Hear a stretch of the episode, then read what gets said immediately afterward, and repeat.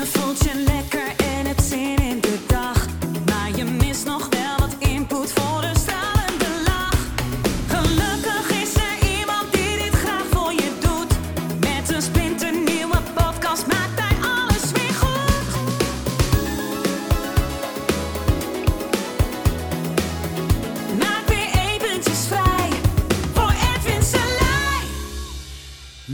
In iedere situatie zien. Nou, dat is eh, niet mogelijk. Eh, niet in iedere situatie. Ja, er zijn situaties eh, ja, die zijn heel verschrikkelijk.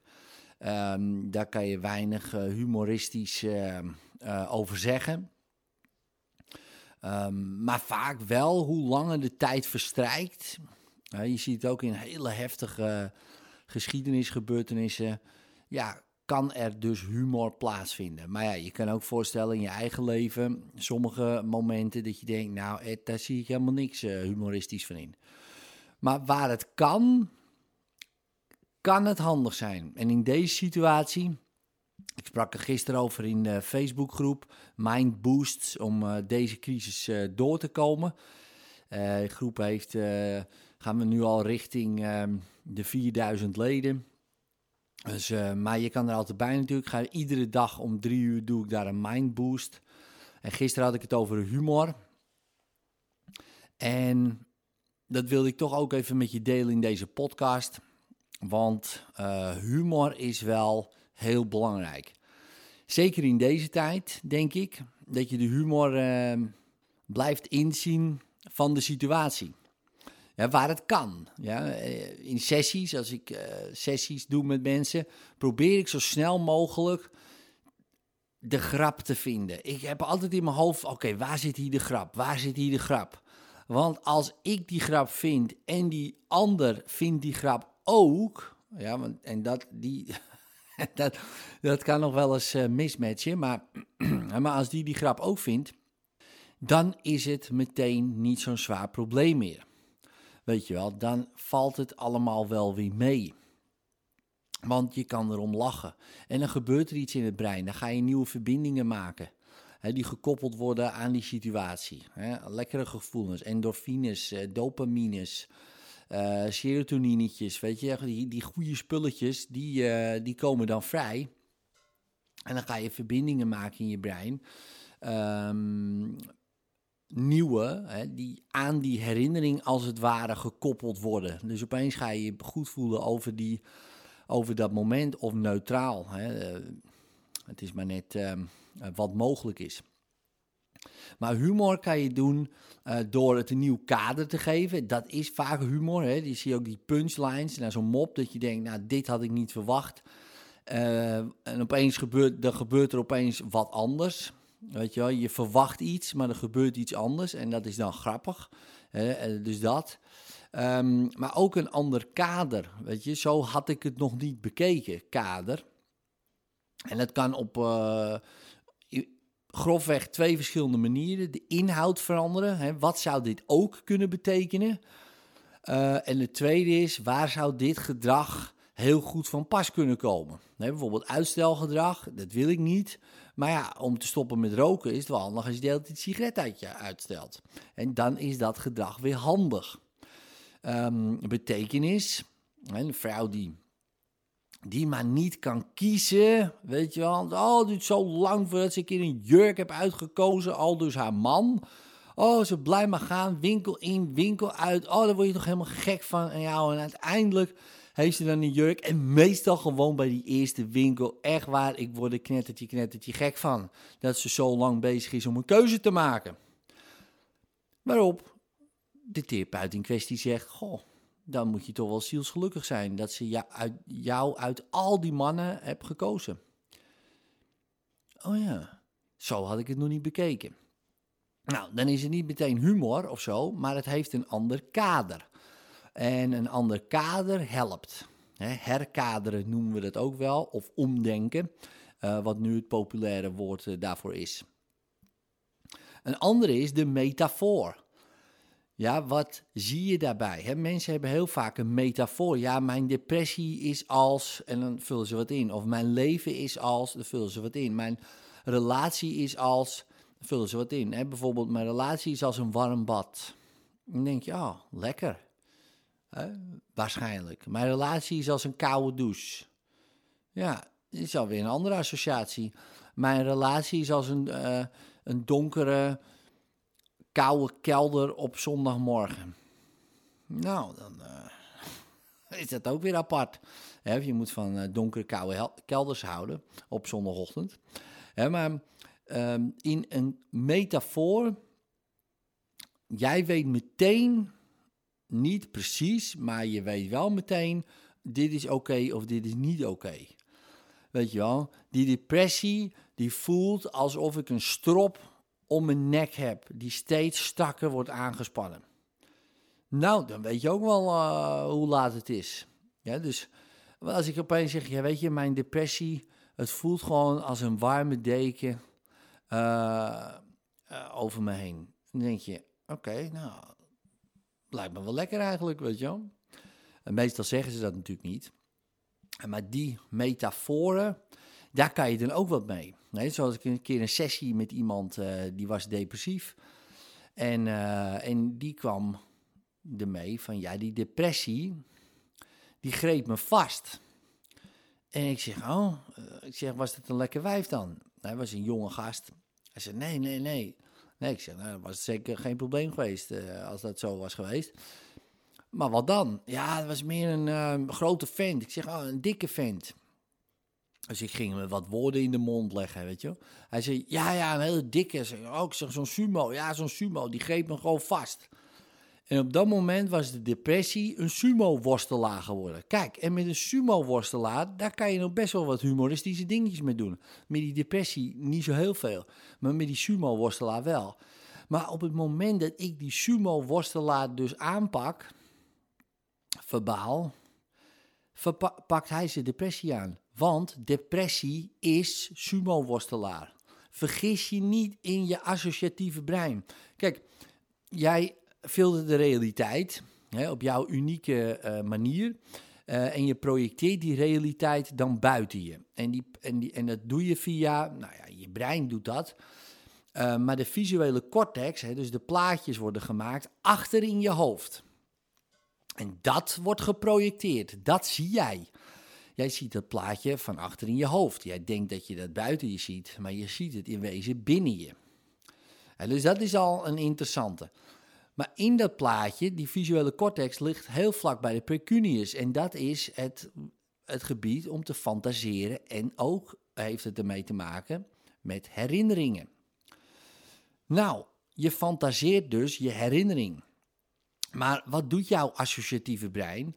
Uh, hey, met depressie is een sumo-worstelaar. Oké, prima. En dat wordt dan gekoppeld. En op het moment dat je die sumo-worstelaar verandert, verandert ook die depressie. Daarom is humor zo belangrijk. Daarom zijn bijvoorbeeld metaforen zo belangrijk. Weet je wel? En dan kan je wat gaan veranderen. Een andere manier is uiteraard om voor je eigen staat. En dat jij je goed voelt. Kijk, op deze manier wordt het heel lastig om wat humoristisch uh, over te komen, weet je wel. Nee, dat wordt lastig. Dus moet je zelf in een goede staat gaan. Net zoals nu, met, tijdens deze uh, crisis, zeg maar. Nou, je kan verschillende staten aannemen. Ja, je kan denken, oh nee, we gaan helemaal, hè, we gaan in angst. Uh, we gaan in liefde. Wat denk ik de beste uh, staat is hè, om in te zijn, altijd. Um, of we gaan in humor. Hè. We zien overal de humor van in. Nou, ik zal niet zeggen dat je de hele tijd overal maar grappen moet gaan maken. Daar gaat het niet om. Maar wel, het kan wel een, nou laten zeggen, een wat verruimde kijk geven op de werkelijkheid.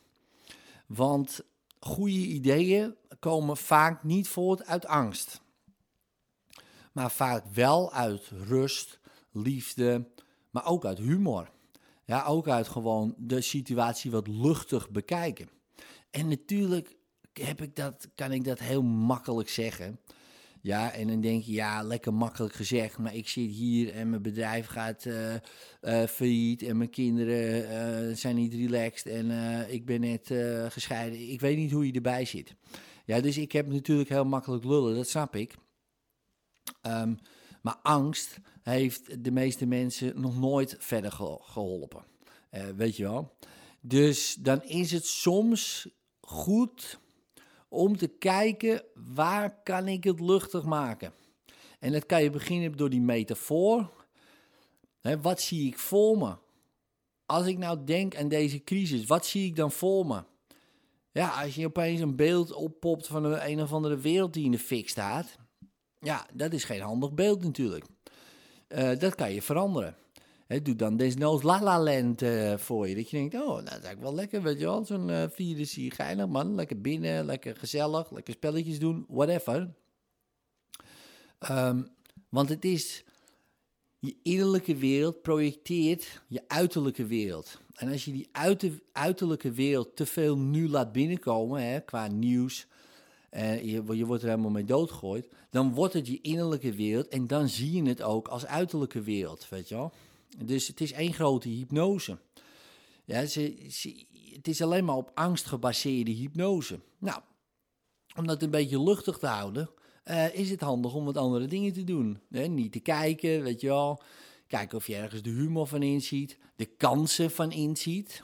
Van hé, hey, waar, waar liggen nu de kansen ja, om uh, te kunnen doen? Uh, je kan denken, ja, ik ben verplicht, verplicht moet ik nu uh, nou ja, moet ik nu naar binnen kijken? Even kijken van, goh, wat ik nu doe, vind ik dat nog wel bij me passen? Vind ik dat wel oké? Is het nu tijd voor misschien een hele andere wending in mijn leven? Nou, voor heel veel mensen staat het nu even on hold. En gaan ze nadenken, oké, is dit wel wat ik eigenlijk wil?